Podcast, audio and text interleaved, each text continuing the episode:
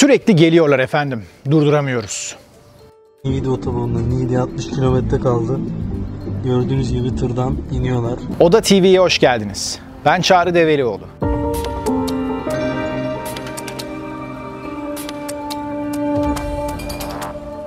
Bugün Üçüncü Göz'de Türkiye'nin mülteci sorununa bir bakış atacağız.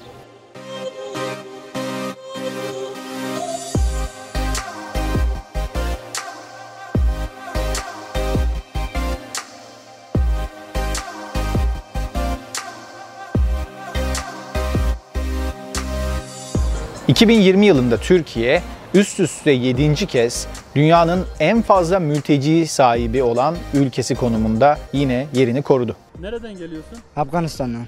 Kaç gündür yürüyorsunuz? 15 gündür yürüyoruz. Ara, arabalar almıyor bizde. Nereye gidiyorsunuz? İstanbul'da. Muhtemelen 2021 yılında da rekor kırarak zirvedeki yerini koruyacak. Çünkü Suriyeli mülteciler yetmezmiş gibi şu anda Taliban'dan kaçan Afganlar da Türkiye'ye akın akın geliyorlar.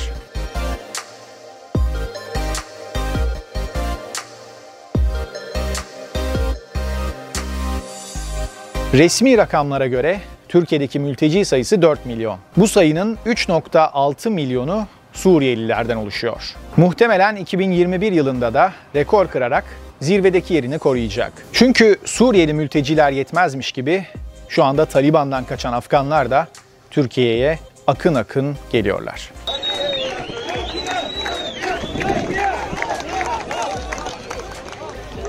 Suriye ihtilafının patlak vermesinden 10 yıl sonra dünyadaki 25.9 milyon mültecinin dörtte biri Suriyeli.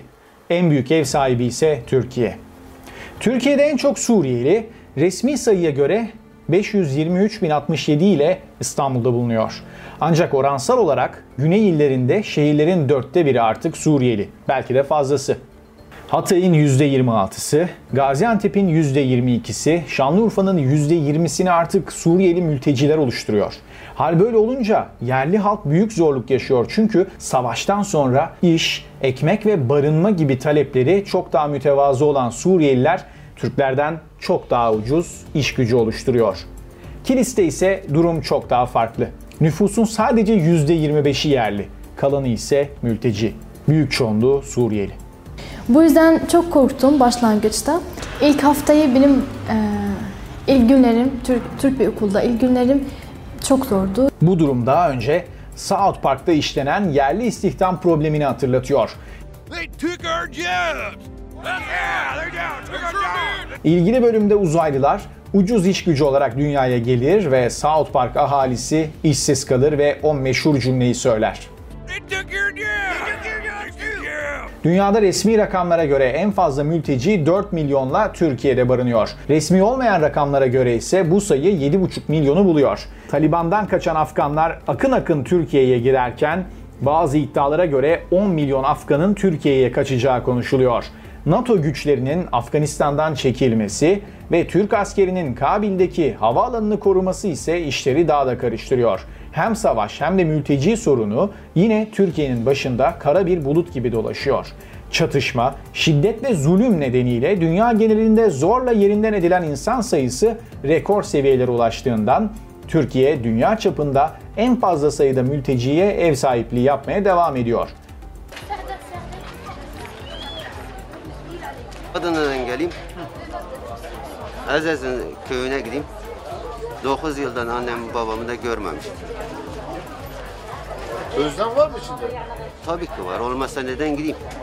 Türkiye Cumhuriyeti 1951 Mülteci Sözleşmesi'ne ve 1967 protokolüne taraf olup 51 Sözleşmesi'ndeki coğrafi sınırlamayı koruyarak Avrupa dışında meydana gelen olaylar nedeniyle gelen mülteciler için en çok tercih edilen kalıcı çözüm olarak üçüncü bir ülkeye yerleştirmeyi sürdürüyor. Türkiye ayrıca 22 Ekim 2014 tarihinde Türkiye'de geçici koruma sağlananların hak ve yükümlülükleriyle prosedürlerini belirleyen geçici koruma yönetmeliğini de kabul etti. Sevgili halkım, Suriyeliler ve Suriye konusunu konuşacağız. Hatta bazı illerimizde Türk vatandaşlarından fazla Suriyeli vatandaşlar var. Ciddi şikayetler var. Geçinemeyen, işsiz kalan insanlar Suriyelilerden şikayet ediyorlar. Ve önümüzdeki süreçte çok daha ciddi açmazlarla toplum olarak karşılaşabiliriz. Ve bu sorunu çözmek zorundayız. Bunlar çözemediler. Çözme güçleri de yok. Kapasiteleri de yok. Ama biz çözeceğiz. Türkiye'de siyasetin de ana gündem konularından biri mültecilerin Türkiye'deki varlığı. Ekonomik gidişatın zaten kötü olması, üstüne bir de Suriye'deki savaşın ve koronavirüsün gelmesi nedeniyle halkın beli iyiden iyiye bükülmüş durumda. 2021 yılının ilk 7 ayında yakalanan düzensiz göçmen sayısı 62.687. Kemal Kılıçdaroğlu ve Meral Akşener basın toplantılarındaki sözleri ve tweetleriyle bu konuyu irdelemeye devam edecek gibi görünüyor. Hükümet ise onlar bizim ümmetimiz sözleriyle mültecilerin yanında olduğunu belirtiyor. Ancak bu sözler halk nezdinde pek de karşılık bulmuyor. Zira Suriyelilerin sosyoekonomik olarak en çok etkilediği kitle Adalet ve Kalkınma Partisi seçmeni oluyor. Karşımızda Suriyeli dükkan açtı. Ne ruhsat var, ne bir şey var, hiçbir şey yok. Ya biz olduk ikinci vatandaş ya. Sen Resulullah'ın Ya orayı karıştırma. Adam kaçak sigara satıyor, sen daha diyorsun ki bunu ya. Şimdi öyle bakmayacaksın. Bir kaçak sigara satıyor, bu memlekete zararı var. Diyorsun ki sen bana Öyle değil. öyle bakmayacaksın. Ha kaçak sigara satıyor.